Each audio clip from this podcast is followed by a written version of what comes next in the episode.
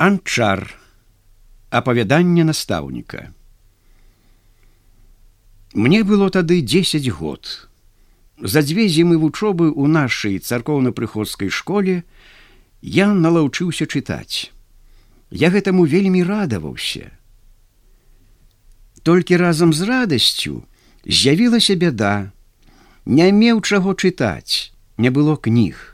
Колькі не прасіў у бацькі, Ён усё аднекаваўся: Няма грошай сынку, дай Бог, каб хоць хлеб быў, а то яшчэ кнігі. І сапраўды, хлеба мы заўсёды мелі ў волю толькі да новага года. Пасля мы налягалі на бульбу і зацірку, а вясной нашчаўе. Але я да таго адчуваў голад, надрукаванае слово, што краў у бацькі нават газеціну, якую ён хаваў на закруткі цыгарак разам з тытунём. Я сотні разоў чытаў этыкеткі на разбітых шкаліках ляганка манаполькі. Казённая вінная лавка. На пачках тытуню перачытваў бакун, табачная фабрика, Харліп, город мінск. Іншай літаратуры не было. Аднаго разу, я меў першае вялікае шчасце ў маім гаротным жыцці. За тое, што я дапамог выносіць з манаполькі на воз пустыя бутэлькі, манапольшчык падарыў мне кніжку Пушкіна. Яна была вельмі патрапаная, без першых і апошніх лісткоў, але даволі тоўстая. З радасці я ног пад сабой не чуў, імчаўся да хаты, нібы на крыллях Я марыў аб тым, што прыйду дадому, возьму пук лучыны, меншая сястрычка ганка будзе мне свяціць, а я чытаць, чытаць, чытаць. Быў зімовы адвячорак, круціла мяцеліца, ля платоў ляжалі вялізныя гурбы снегу. Я бег да хаты і па дарозе перагортваў кніжку, шукаў малюнкаў, чалавечыкаў птушачак да чаго быў вялікі ахвотнік. Знайшоў на адной са старонак кучаравую галаву юнака якая урэзалася ў маёй памяці на ўсё жыццё. Радасць моя росла з кожным крокам.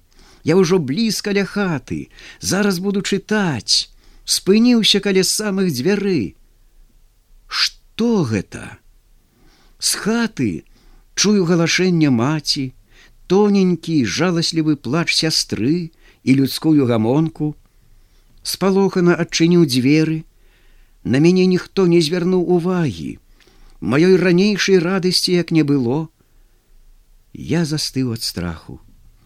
Мяне сустрэла першае вялікае няшчасце ў маім жыцці. На лаве под абразамі ляжыць мой бацька, жоўты як воск заплюшчанымі вачыма. Да мяне падышла з плачам васьмігадовая сястрычка. Лявонка, Лявонка, татку, дрэва у лесе. Худы востры падбародак дрыжаў. Тоненькімі пальчыкамі яна ўрэпілася ў валасы, як моя маці і пачала за ёю паўтараць на распеў жаласлівыя словы галашэння. Колькі дзён таму назад мой бацька і дядзька Язэп наняліся ў пана з суседняга маёнтка зваліць у гаі пару десяткаў дубоў і парэзаць на кароткія калодкі для клёпак.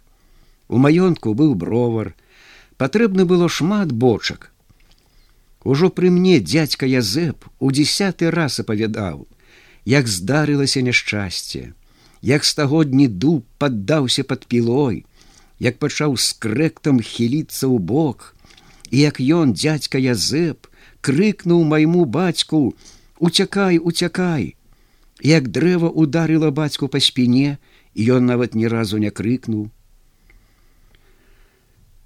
Маці ў десяты раз гаварыла, галасіла і плакала ўсё аб адным. Яна дакарала нябожчыка, што пакінуў без пары яе бедную ўдаву, дзетак сіротак, якім прыйдзецца цяпер сшыць торбы ды пайсці пад чужыя вокны хлеба прасіць. Я стаяў, нібы аглушаны доўбняй, пакуль разышліся гутарлівыя і спачуваючыя суседзі і суседкі. Мы засталіся адны. Я не мог усё ж такі ўстрымацца, каб не памацаць за пазухай кніжку Пушкіна. Суседка прынесла доўгую тонкую васковую свечку. Маці запаліла свечку і паставіла ля бацькі. Пры маёй памяці наша хатка ўпершыню асвятлілася не лучынай. Гэта было для мяне даволі цікавым з'явішчам. Схадзі сірацінка, пакліч сымона кантычніка, Няхай над нябожчыкам святыя словы чытае. Так загадала мне маці плачучы. Новая годнасць, сіраціна, нададзеная маткай, сціснула мне горла. З маіх вачэй ліліся ручаі слёз. Але справа не ў маіх слязах, патрэбен сымон кантычнік. Ён быў адзіным пісьменным чалавекам у ваколіцы, які чытаў псалтыр пры нябожчыках. Я добра ведаў яго акуляры, якія ён насоўваў на тоўсты сіняваты нос, прымацоўваючы ніткамі замест аглабелец. Схіліўшы крыху на бок галаву, Сымон кантычнік правым зрачым вокам утыкаўся ў тоўсты замызганы псалтыр і гугнявіў нараспеў незразумелыя царкоўна-славянскія словы. Я паклікаў сымона кантычніка. Ён чытаў усю ноч псалтыр назаўтра пахавалі бацьку. На хаўтуры аддалі апошнія рублі. Трэба было заплаціць папу. Трэба было пачаставаць суседзяў гарэлкай і закускай, каб бацьку ўспаміналі добрым словам. У хаце, апрача некалькіх асьмін бульбы нічога не засталося. Што ж нам цяпер рабіць? бедавала нешчаслівая маці. Як жа жыць будзем? Суседзі нараілі. Мяне аддадуць у пастухі, А ганку за няньку. Маці возьме нашы заробкі ў хату. Будзе хадзіць на падзённую работу, і жыццё пойдзе як па масле. Ужо знайшліся ахвотнікі, што хацелі забраць нас зараз жа з роднай хаткі маці адпрасілася. Няхай пабудуць у мяне да вясны. Яны ж такія дробненькія. Няхай з роднай маткай пажывуць мае маленькія сірацінкі. І вось дзень у дзень маці аплаквала бацьку, сябе, удаву горкую. І нас, маленькіх наймітаў. Матчын несупынны лямант, так выбіў мяне з каляі, што я спачатку зусім забыўся пра кніжку Пушкіна. Была тады вельмі холодная зіма. На дварэ стагнала і плакала мяцеліца. Дробныя акенцы былі залеплены звонку сіняватым снегам. У коміне пераліваліся на розныя лады працяглыя тонкія посвісты. Мне здавалася, што сама зіма плача аб нашай гаротнай долі я будучы пастух адразу нібы пастарэў на некалькі год не гуляў са сваімі равеснікамі а ўсё сядзеў у хаце і думаў думаў думаў. І стала мне да таго нудна і цяжка аж я не ведаў што з сабою рабіць. Аднаго разу ўвечары я ўспомніў пра пушкіна. Я запаліў лучыну дастаў кніжку, прысеў і разгарнуў яе. Якраз трапіўся мне верш зімні вечар. Я пачаў чытаць няўпэўнена па складах. Буря мглою неба кроет, вихри снежные крутя, то как зверь она завоет, то заплачет как дитя. Маці і ганка сталі побач і пільна прыслухоўваліся. Іх заваражылі рытміка, рыфма. Маці ціха ўсхліпвала, а ў ганкі зусім высохлі слёзы. Верш гарманіраваў з надвор'ем, з настроем, з кожным новым радком. Маці ўсё больш уважліва слухала, усё спакойней знімала з лучыны нагар, выцірала з вачэй слёзы, якія ўсё набягалі, набягалі, нібы з вечнай крыніцы. З кожным новым радком я чытаў усё больш лёгка і плаўна. Пушкінскія словы навявалі на маці лагодны смутак. Нячутнымі крокамі да яе сэрца падкрадвалася прымірэнне з долей. Маці пазірала на мяне, на старэйшае ў сям'і, на будучага гаспадара з ціхай гордасцю, Гэта ж не жартачкі, сын ужо чытае. Чытай, чытай яшчэ, калі я спыніўся, попрасіла маці.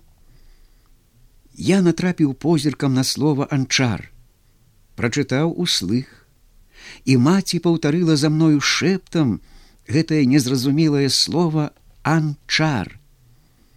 Звыкшыся крыху са шрыфтам, Я чытаў новы верш лепш, чым першы. Маці пачала таксама пільней прыслухоўвацца. Калі я прачытаў, лишь віхар чорны на древа смерти набежит. У маці затрапяталі расніцы.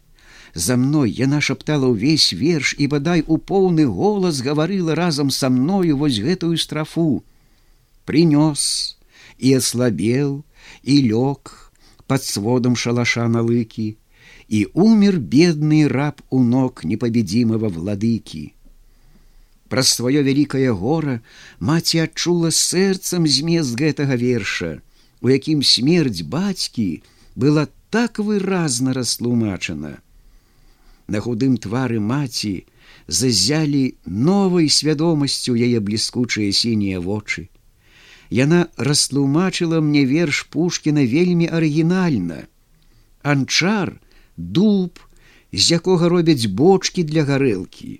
Яд, гарэлка, князь, наш пан, араб забіты бацька. Заспакоены, пры першым вершы позірк маці загарэўся гневам. Вочы сталі сухія, Яна ў вялікім абурэнні пачала праклінаць нашага пана ды іншых паноў. Усё ліха, казала яна, ад іх ідзе. Гэта было ў 1904 годзе. Нягледзячы на цяжкае жыццё, я з пушкіным не разлучаўся ніколі. З 15 год я ўжо быў у хаце поўным гаспадаром, а пасля грамадзянскай вайны, калі я вярнуўся дадому з партызанаў, скончыў тэхнікум і зрабіўся настаўнікам.